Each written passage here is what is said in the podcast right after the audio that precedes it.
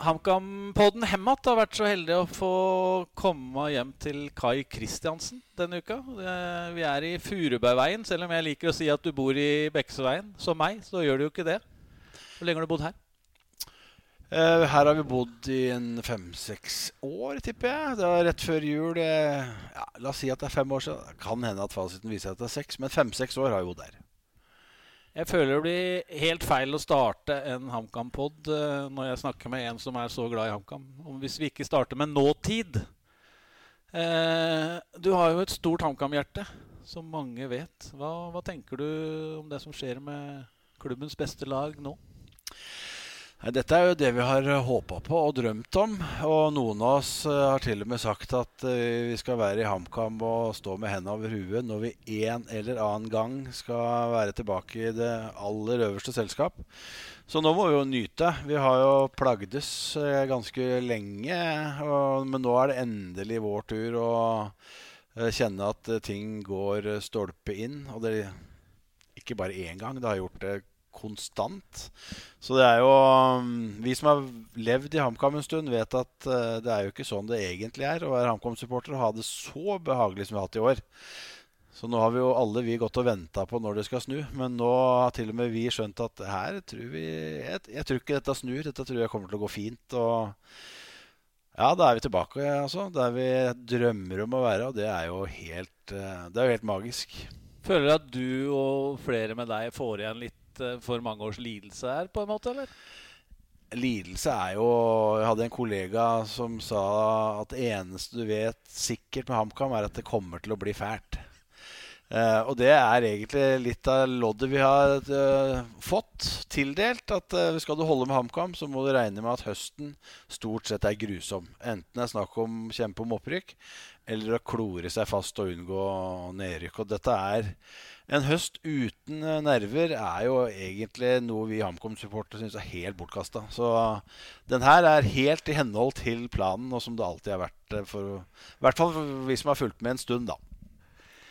Du har vært både spiller og trener i, i mange år sjøl. Eh, er tett på, på, både spillere og trenere i, i hverdagen gjennom, gjennom, jobben din eh, på Briskeby. Hva, hva er suksesskriteriene nå, slik, slik du ser det?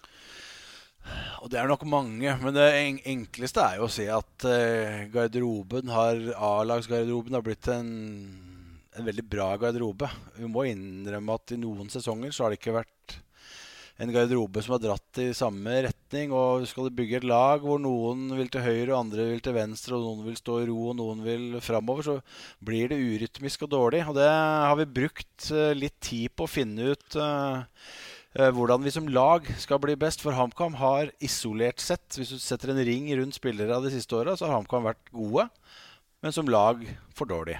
Og nå er vi kanskje litt motsatt. Noen vil si at vi setter ring rundt elleve spillere, så er kanskje ikke de de elleve beste, men laget er det ingen som har vært i nærheten av å matche. Og det er, eh, det er nok hovedgrunnen. Og hvem som har æren for det, det er flere. Eh, det har vært en, tatt en ganske lang stund å få det til. Og nå har de som sitter der nå, både de i sport og de i administrasjon, fått det til sammen. Og det, det er kjempebra. Så leder nok sport litt på oss i administrasjon. Så vi som jobber der, må halse etter, heldigvis. Det er de som holder på med sport. Uh, men så tror jeg summen av alt vi har gjort over tid, har vært litt ulik TamKam. Vi Har gått litt saktere, prata med litt mindre ord, vært litt uh, mer ydmyke enn vi har vært noen år tidligere. Vi skal gli, eh, gli, litt videre, men fortsatt uh, veldig, veldig, grønt og hvitt i, i fargene. Uh, du er noe så sjelden som tredje generasjon HamKammer, hvis vi kan bruke et sånt uttrykk. Både bestefar og far Terje har vært engasjert i klubben. veldig engasjert. I tillegg så har du to sønner, Håkon og Matt, som har spilt der. Håkon er nå i trenerteamet til A-laget. Hjelper uh, unggutta. Uh, ble du grønnhvit tidlig? Veldig tidlig. Jeg er jo bokstavelig talt født og oppvokst på Briskeby. Så min far var jo oppmann når jeg var veldig ung, så jeg husker jeg fikk lov å sitte på benken i andre omgang. Så jeg sto og venta utafor garderoben når laga kom av. Så fikk jeg være med inn i garderoba Det var ganske stort, for det var tross alt toppdivisjon. Uh, og så fikk jeg lov å sitte på benken uh, ofte i andre omgang hjemme på Briskeby. Så jeg sitter der med legender som uh, Kakken Finnborud og min far. Det var han som lærte meg å banne, bl.a. Faren min hadde ett ord på manusarket sitt han så fotballkamper, og det var 'faen'. Så det var det eneste han sa under hele kampen. Og så kasta han meg i lufta, husker jeg, når HamKam skåra. Men jeg gikk med østerdalslue og, og anorakk sammen med Kakken og min, min, far, som nå er æresmedlem i klubben, av bana når jeg var veldig ung. Så jeg, har, eh, jeg er født og oppvokst med, med HamKam. Og så er jeg jo litt stolt over at farfaren min Olaf var med og stifta det i 1918. Eh, sønnene mine har du nevnt. Og så meldte jeg inn mitt yngste barnebarn inn som HamKam-medlem ti timer etter jeg ble født nå i april. Og da sa faren min det var på tide. Han, han, han mente at det gikk litt seint, nesten? eller? Han syntes ti timer var nok, i hvert ja. fall. Vi måtte få jenta, første, første jenta på barnebarnssida inn, inn, i klubben fort som F. Så hun er da femte generasjon som er medlem i dag. Så det er jo, det er jo litt spesielt. Veldig sterkt, vil jeg si. Eh, nå har du sagt litt om det, men jeg, liksom, om du klarer å ta og dra det ut enda mer i forhold til hva HamKam betyr for deg, sånn i totalen? Ham, ja, altså HamKam betyr uh, Har alltid betydd mye for meg. Uh, som spiller så Jeg fikk jo sjansen, eh, selv om jeg var Storhamar-gutt sånn geografisk, så valgte jeg HamKam. Jeg hadde ikke noe valg, det var HamKam. Uh, når jeg ble A-lagsspiller, så bytta jeg ut alle vennene mine sånn uten at jeg visste det. Men de jeg gikk sammen med på skole, valgte andre ting enn fotball. Så jeg ble HamKam og fotballvenner på meg. Uh, uten at jeg Det var ikke noe brudd som var sårt med mine gamle kamerater. Men jeg valgte de som i dag er mine nærmeste og beste venner, og det er HamKam-gutter. Og så har det HamKam styrt humøret til mm, både meg og familien min i over 50 år. Så lenge jeg har levd, så har resultatet på søndag styrt uh, hvordan familien min har det. Uh, så klart at jeg lider med, men jeg gleder meg også veldig med HamKam. Så jeg er med, jeg er med når, det, når, det, skal jubles, og det, det betyr mye for meg og familien min. Jeg googla meg fram at du, hadde, du har ni sesonger på A-laget. Går det an å plukke ut et høydepunkt fra en sånn karriere? Ja, altså, Det er jo vondt å komme unna Rosenborg eh, kvartfinalen 1989. 10 000 tilskuere når vi kom ut for å varme opp. Altså, Det var helt tråka med folk. Vi vant 1-0 etter ekstraomganger.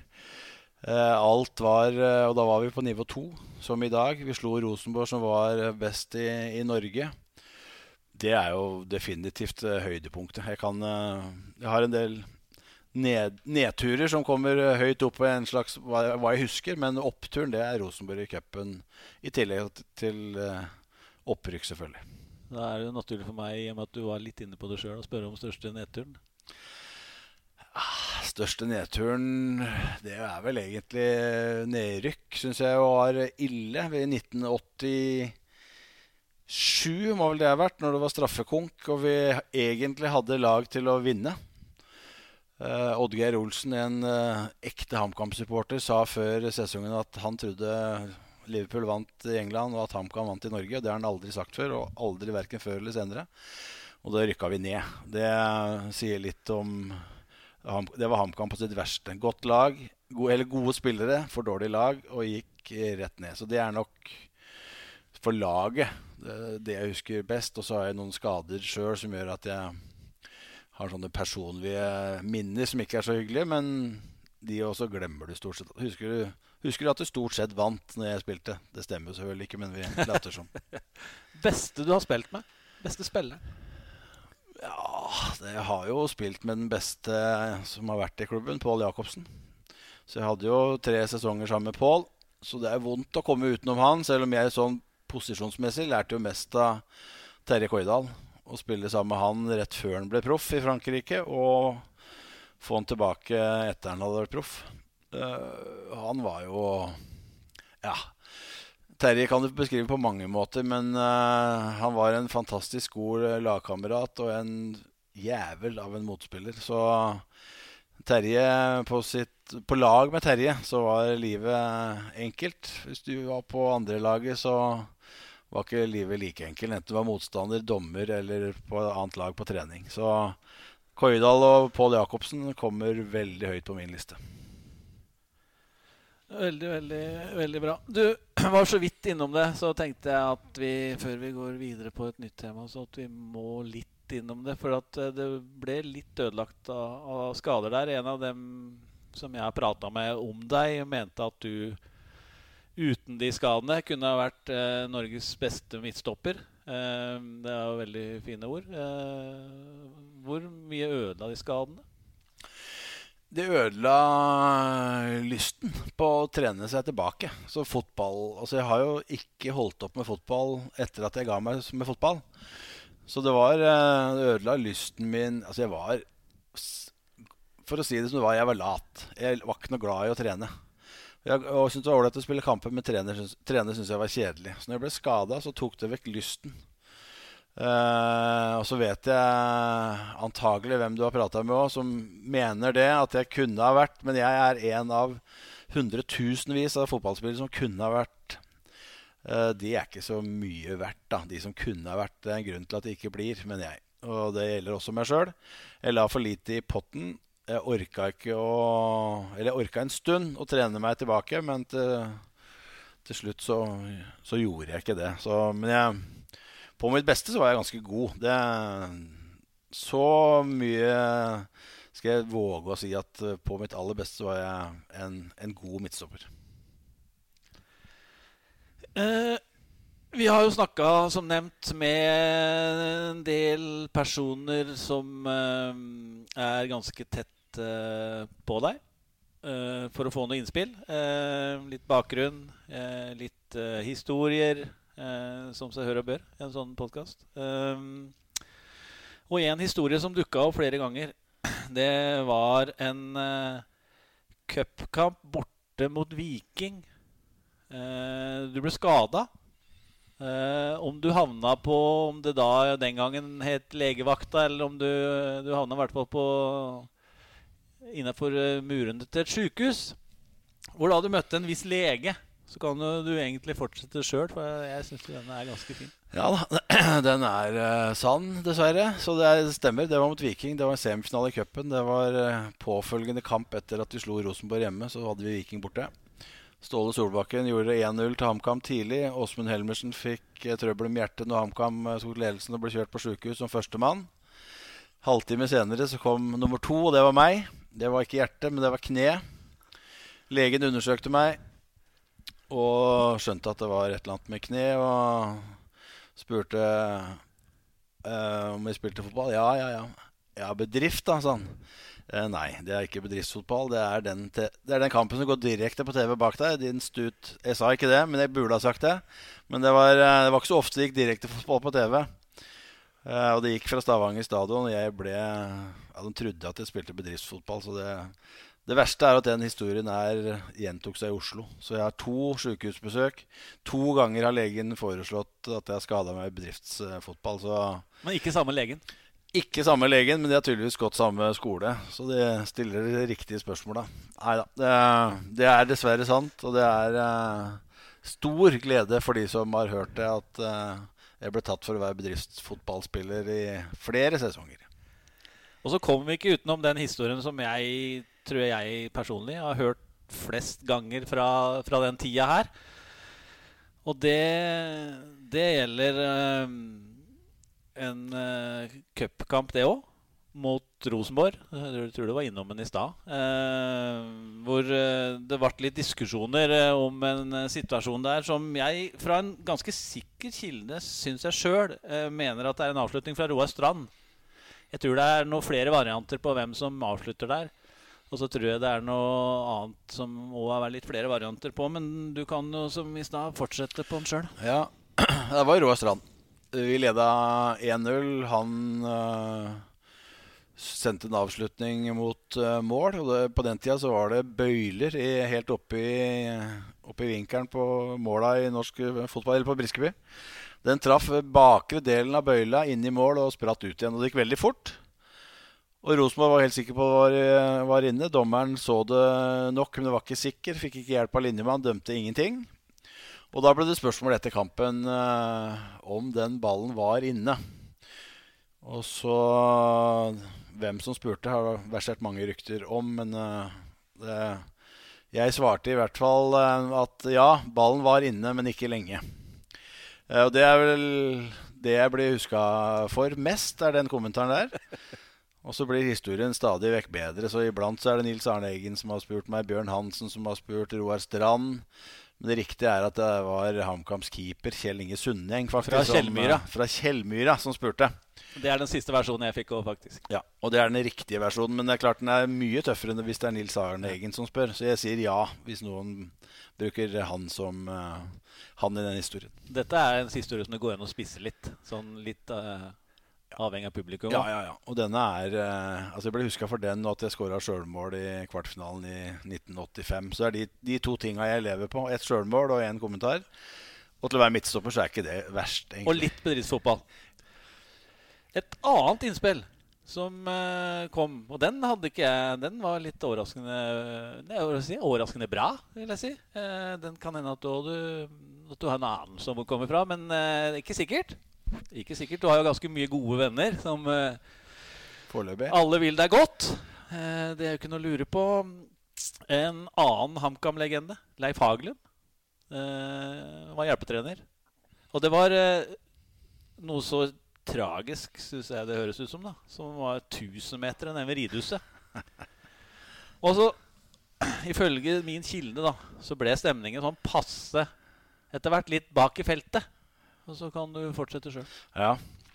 Det var bakkefeltet, det er riktig. Det var eh, For å dra enda litt Jeg bodde i Oslo og hadde vært skada noen uker og kjørte som et svin for å rekke treninga. Det ble ikke fotball, for det var dårlige forhold. Det ble løping. 1000-metere. Det er jo greit nok, eh, men eh, poenget var at Leif han starta pausene på den første som kom i mål. Så vi som kom til slutt, vi fikk da mindre pause enn resten. Og så sa jeg det til Leif altså det kan jo ikke være sånn at du starter på første, så jeg må jo få like lang pause. Så, og Leif hadde jo løsninger på dette. Han var genial. Så han Kai, kan du ikke bare løpe litt fortere, da? sa han. Så det er jo helt perfekt. Eh, så da husker jeg på slutten så bare kom jeg i mål når de andre startet, og bare snudde. Jeg spydde mens jeg løp på slutten, og fikk da ikke noe pause. Og satte meg i bilen og kjørte hjem eh, til Oslo på skole og tenkte at det hadde vært en utmerket treningsøkt på Ridhusstranda, anført av uh, Leif Hagelund. Du drømte litt om Leif Hagelund den natta, kanskje? Ja, jeg har, Leif og jeg har et fint forhold i dag, for å si det sånn. det er veldig bra. Det, det, er bra at det har gått seg til. Eh, og så var det også en siste, siste innspill her som jeg må, føler jeg må ta med. For der er det faktisk eh, nesten fulltallig av de jeg har snakka med. Eh, av dine gode venner som kom med den, faktisk. Det var, jeg eh, tror det var eh, Nesten alle hadde den. Og det og det var et litt sånn kryptisk kallenavn eh, som var litt nytt for meg. Men, eh, og det var et, et kallenavn som dukka opp, ifølge mine kilder, da, på Kypros. På treningsleir. Hvor det var en midtstopper som, som ble skada litt tidlig. Første økta, selvfølgelig. Første økta. Ja, første økta. Første økta. Og da, da, da, da kan du jo fortsette igjen. Ja, nei, Da eh, hadde vi eh, først leddutslagsmåling med Audun Garsol først. Jeg hadde kjempe, jeg var egentlig ganske myk. Gikk ut på trening, fikk kjempestrekk som en av de mykeste. Jeg ble moped da, resten av uka. Leide moped, kjørte på feil side av veien. Det er venstrekjøring. Og så øh, kjøpte en, et kypriotisk øl som heter Keo. Eh, og det, jeg fikk da etter hvert tydeligvis da, så mente de medspillerne mine at jeg handla det forholdsvis ofte, så jeg ble kalt for Keo-kongen etter det. Så når jeg slutta å spille fotball i 93, så fikk jeg HamKam-trøye med Keo-kongen på, på, brystet. Og det er rett og slett navnet på et kypriotisk øl. Jeg husker en kveld så skulle jeg ut. Da møtte jeg Peter Engelbrektsson, treneren, på vei inn. Og det var jo leggetid, og så sa han Kai, du er på vei godt feil hold Så tenkte jeg meg med to sekunder og sa jeg, Nei. Så jeg, møtte vi hverandre, så gikk jeg videre ut og på nærmeste pub for å kjøpe en Keo. Og Peter Engelbrektsson gikk inn på, på hotell. Og etter det så fikk jeg navnet Keo-kongen. Og det er kun én mann som bruker Han har kutta ut Keo og kaller meg bare Kongen. Det er Ståle Solbakken. Og når landslagssjefen kaller deg for Kongen, så syns jeg det er helt Det er innafor. Så jeg lar han få lov til det. Ja, Så det, ja, det, forkortelsen er jo grei. Ja. Ja, den, er, den, sier mindre enn det historien forteller. Ja, og så er den jo litt adelig. Og det, ja. Nei, jeg kan leve med at Ståle kaller meg for kongen. Ja, det går. Akkurat. Akkurat innafor. Vi skal uh, skifte tema. Uh, vi skal inn på et tema som uh, er det du rett og slett jobber med i dag. Vi skal over på gatelaget, som er blitt jobben din, og antagelig litt mer enn en vanlig jobb uh, de siste åra. Uh, dere har fått veldig mye skryt, fortjent skryt, for det tilbudet dere gir dem, og den jobben dere gjør med dem. Si litt om den reisen uh, fram til nå. Altså, vi starta jo i april 2017 og var veldig usikker på hva, hvordan det her ville bli.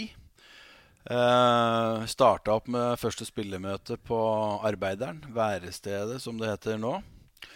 Jeg møtte en fire, fem, seks aktuelle spillere, eller eh, noen som har trøbbel eller utfordringer med rus, som satt på det møtet. Og det var der det starta. Og så fikk vi, fikk vi med oss eh, noen fra det møtet. En bl.a. som eh, jeg fikk beskjed om at han kommer aldri til å møte på fotballtrening, men han møter på alle møter. Han heter Kim, han er kaptein og har vært på samtlige, og da mener jeg absolutt samtlige treninger og kamper og dugnader siden vi starta 2017. Fantastisk eh, fyr.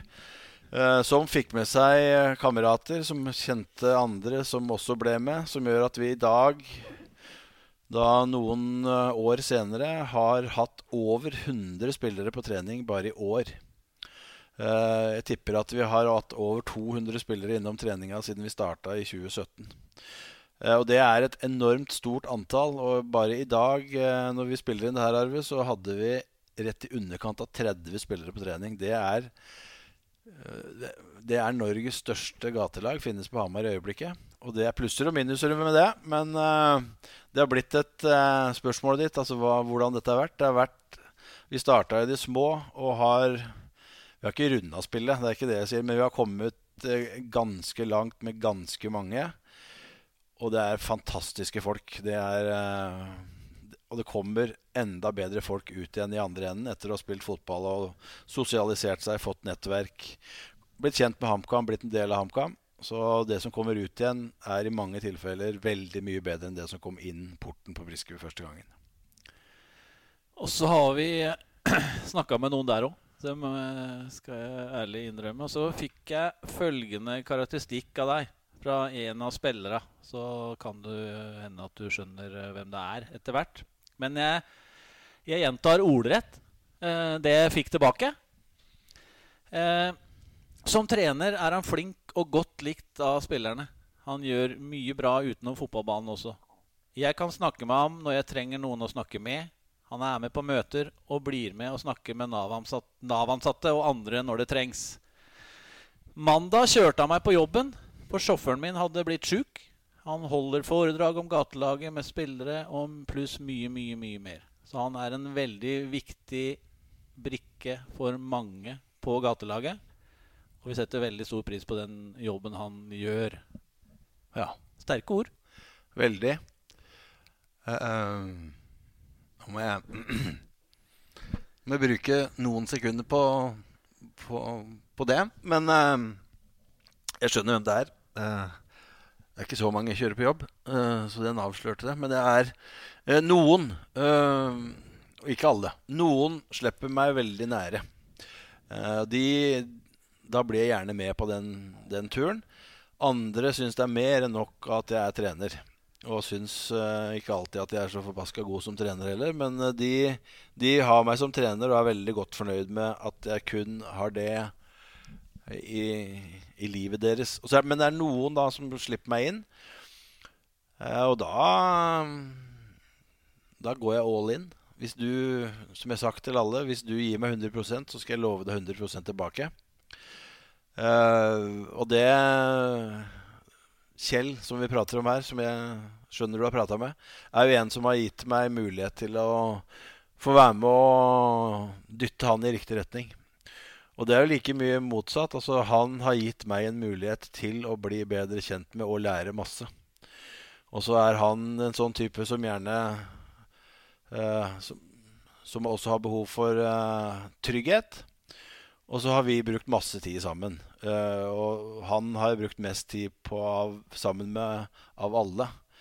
Uh, men jeg, jeg syns jo det er um, Ja, det hørte vel de fleste at jeg syns det er Det er sterke ord uh, som betyr mye for, for meg. Og jeg kunne jo bare sendt alle de orda tilbake til veldig mange av de på gatelaget. Så det er en sånn gjensidig takknemlighet og respekt for å rett og slett bruke masse tid sammen. da. Nå har du sagt, du har vært litt inne på det i, i den forrige, forrige runda, Kai. Men, men, hva denne jobben gir deg? Ja, det gir meg mye. Altså Det er altså, Jeg er ganske god på å legge fra meg jobben da, når jeg kommer hjem. Og der har jeg en stor familie som jeg heldigvis som jeg kan bruke tid på. Eh, som gjør at, For det er helt avgjørende at jeg klarer å koble ut en del. For det blir periodevis mye. Eh, men jeg har evnen til å ikke tenke på det, ikke bruke krefter på det. Men når jeg er på jobb, så er jeg, jeg er villig til å gjøre ganske mye for den gjengen eh, jeg jobber med til daglig. Fordi at de Ikke fordi jeg syns synd på dem, men for at de gjør seg fortjent til det. Altså de er Til dags dato så har ikke noen av dem skuffa meg noen gang. Alle har gjort i hvert fall det de kan hver eneste gang. Og da, da jeg, Det gir meg masse energi. Så jeg orker den jobben der uh, lett når det gir meg, gir meg så mye som hun, som hun gjør nå. Så jeg teller ikke timer, jeg teller ikke telefonsamtaler, men jeg, jeg kjenner på følelsen at jeg, jeg har god samvittighet når jeg legger meg, og jeg kan se de fleste i øya og de jeg jobber med, også etter tøffe runder. Og det, det, for meg så er det verdens beste jobb. Du har vært trener i Nå må du hjelpe meg der, hvis jeg har glemt noen. HamKam, Storhamar, Vang, Fåberg, Nybergsund, Lillehammer, Målven, Brumunddal. Var de jeg fant? Det er riktig. Det høres Bra. Eh, riktig ut. Bra googla. Ja. Eh, hva er den største forskjellen eh, fra å være trener i disse laga, klubba, og det jobben du gjør med gatelaget nå? Hvis du skal plukke ut noen ting som Altså, jeg er helt lik. Altså, jeg er uh, han som trente Vang og Nybergsund og Moelven. Jeg er den samme.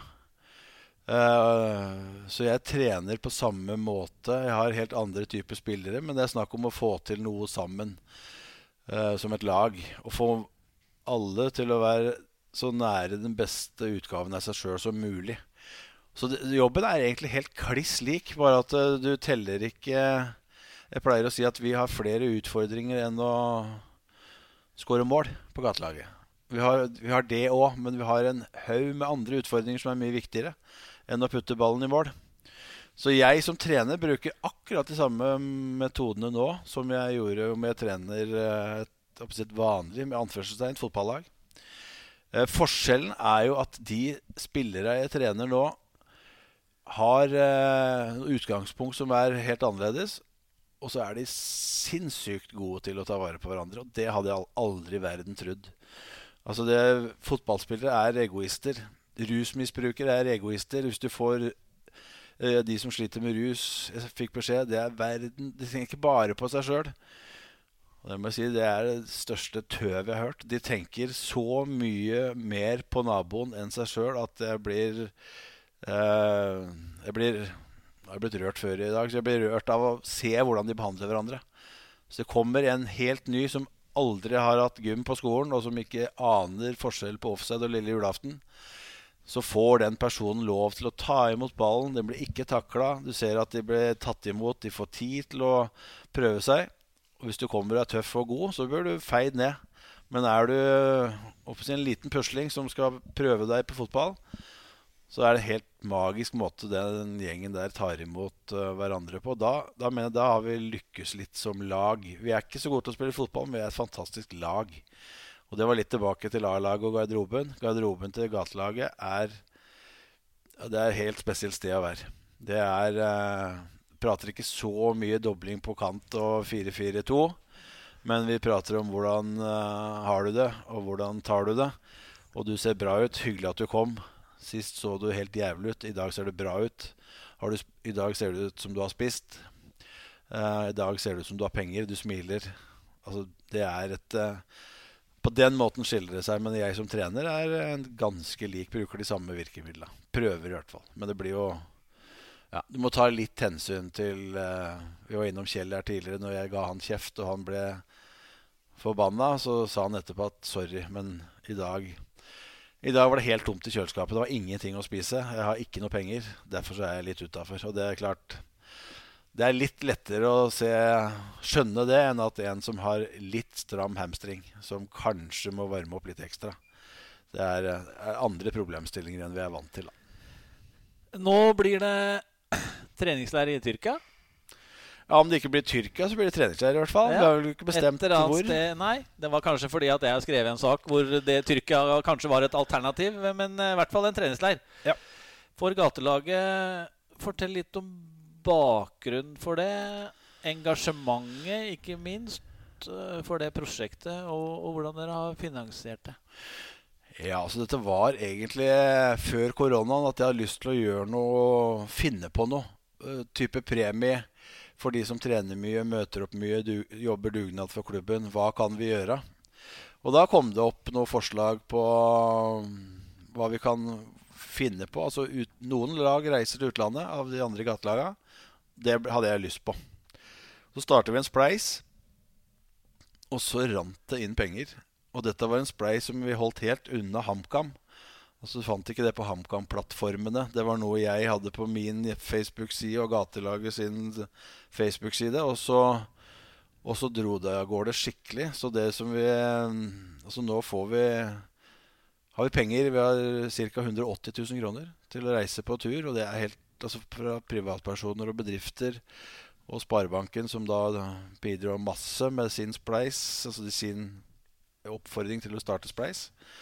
Men det er helt magisk. Eh, gutta og jentene lurer nå på hvor vi skal. Vi har en reiseoperatør som eller flere reiseoperatører som ønsker å tilby oss eh, en god opplevelse. Og vi skal på treningsleir. Vi skal trene to ganger om dagen. Vi skal bo fint, og vi skal spise eh, som alle andre topplag, eh, toppidrettsutøvere gjør. Så skal vi leve som proffer. Og det er det er målet og kravet. Og når det er som mørkest og kaldest på Hamar i februar-mars, tipper jeg, så kan det godt hende at eh, gatelaget tar med seg Eller ikke kan godt hende. Da kommer vi til å reise til et sted med norsk sommer. Og så kommer vi til å være fotballproffer eh, ei uke, og så kommer vi til å kose oss glugg i hjel. Og så har vi motivasjon til å trene jevnlig fram til vi skal reise. Så alt, dette kommer til å bli, til å bli helt, eh, helt magisk, tipper jeg. Vi skal avslutte denne volken her med litt, litt trener... Litt, bare litt, eh, avslutte med litt trenerprat. For det er jo mange som mener at du har de fleste egenskapene til å trene et lag helt på toppen.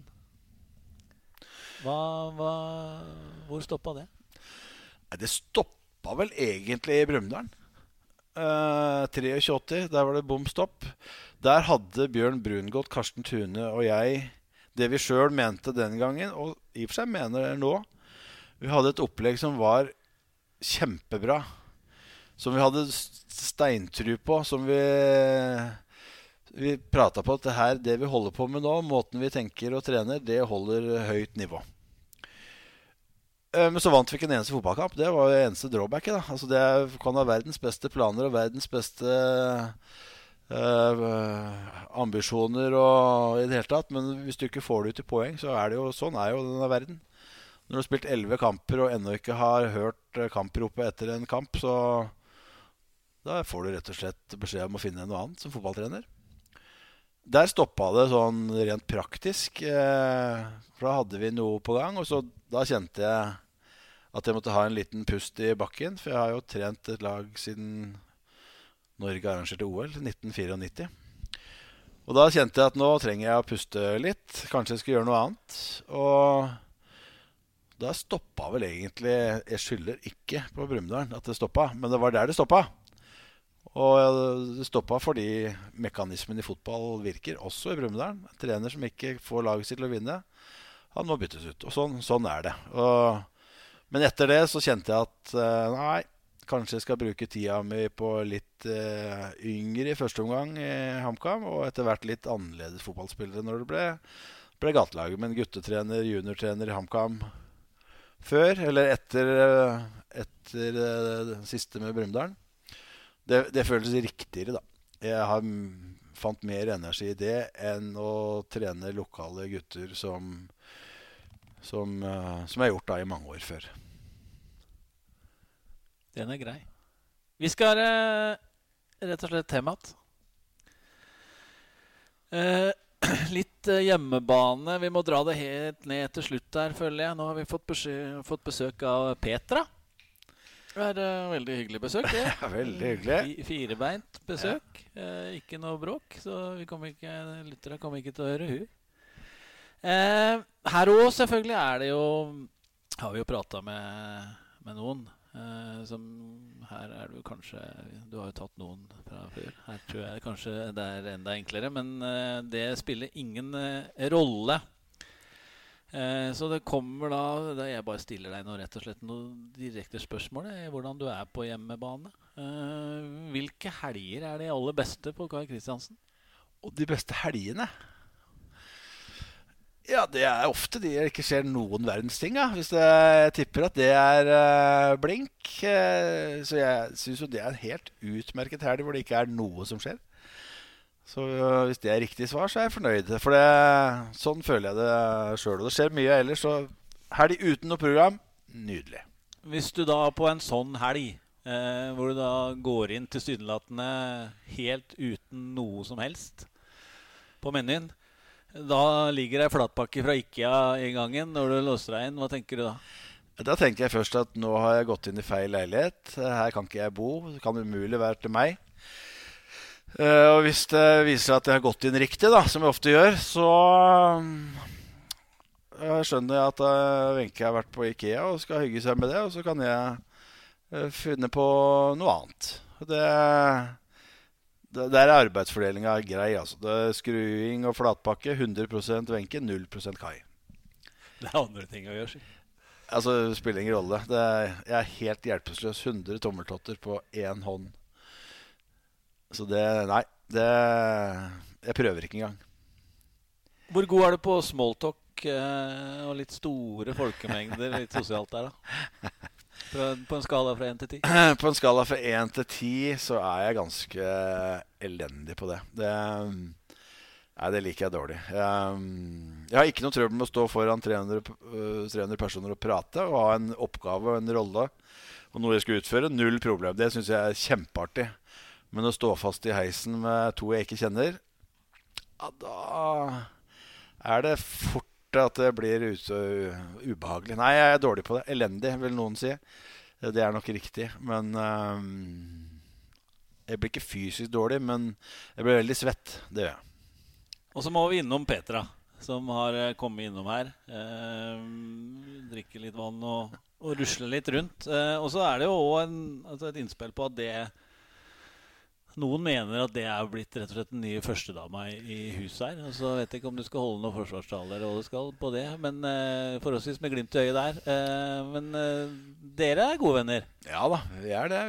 Petra og vi ble kjent i fjor. Det er et drøyt år siden at hun kom hjem til oss. Jeg var egentlig ikke så vel Jeg har aldri hatt eh, noe husdyr. Jeg har aldri hatt noe forhold til noe Det å eie eller å være um, ansvarlig for uh, ei på fire ben. Det har gått veldig fint. Så jeg tror ikke det er noe hierarki. Jeg er nok ikke snudd på huet. Men at hun At Petra er den jeg går bortom både når jeg skal gå og komme tilbake, det er ikke ikke noen tvil om det, men må jo legge til hun er den eneste dama i huset som kommer løpende hver gang jeg kommer inn døra. Så det er ikke Hvis det blir et race mellom Petra og Wenche, så skal vi vurdere det. Men foreløpig så er det Petra eneste som kommer til start. Så da tar jeg imot hun, selvfølgelig. Men uh, ja, bikkje. Over all forventning. Petra leser spillet, rett og slett. ja. jeg skal ikke overvurdere hennes evne til å lese spillet, men hun er i hvert fall uh, Hun har vært veldig bra for, uh, for meg. Har aldri vært ute og gått mer enn jeg har gjort etter at hun kom i hus. Og det er udelt positivt, men uh, uh, får hard konkurranse av Wenche fortsatt. Hun gjør det, altså. Og så er det jo noe, noe som, som jeg også har fått med meg sånn i forhold til litt sosiale medier og litt sånn. Og så er det jo noe innspill på det òg i forhold til øh, barn og barnebarn, eh, som er i hvert fall mitt klare inntrykk at det er viktig for deg. Å oh, ja, det er uh, kjempeviktig. Altså, jeg har jo Eller vi får se, vi er så heldige, Wenche og jeg, at vi har sju barn. I og for fem-to. Wenche fem, jeg to. Så har vi nå fått fem barnebarn. Hvor jeg er bonusbestefar til fire og farfar til ei. Uh, vi er en stor familie. Vi har uh, Jeg har sagt det tidligere at det er ikke ledige måneder igjen på bursdager. Alle tolv månedene i året er opptatt. Så vi feirer hver eneste måned. Absolutt hele året.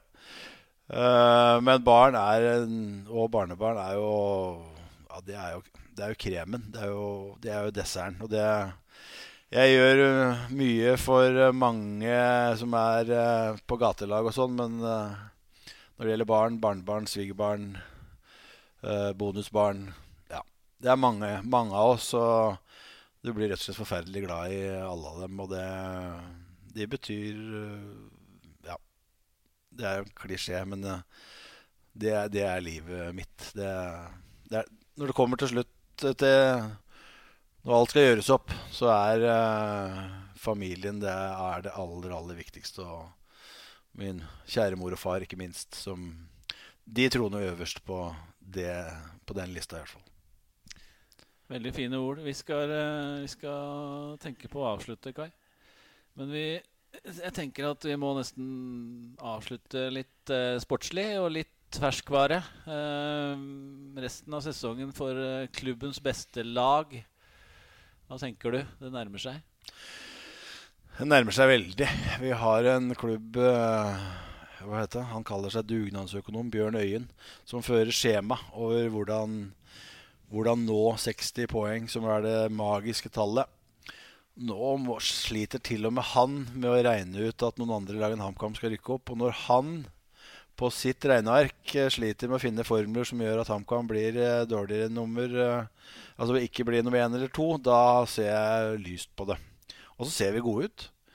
Altså Vi har to ganske litt sånn luggete hjemmekamper nå. Vinner eh, begge. 6-0 i målforskjell, 6 poeng. Hvor ting ikke går så lett. Altså Da er jeg sagt til Bent Svelo, altså, han som er ny i klubben Altså, du tror at det er sånn det skal være i HamKam? At den skuddet der går i stolpe ut den veien og stolpe inn når vi skyter? Det er ikke sånn, men akkurat i år er det sånn. Eh, og det kommer til å ende med eliteserieopprykk. Og vi kommer til å få flomlyskamper med de beste lagene i Norge på besøk neste år.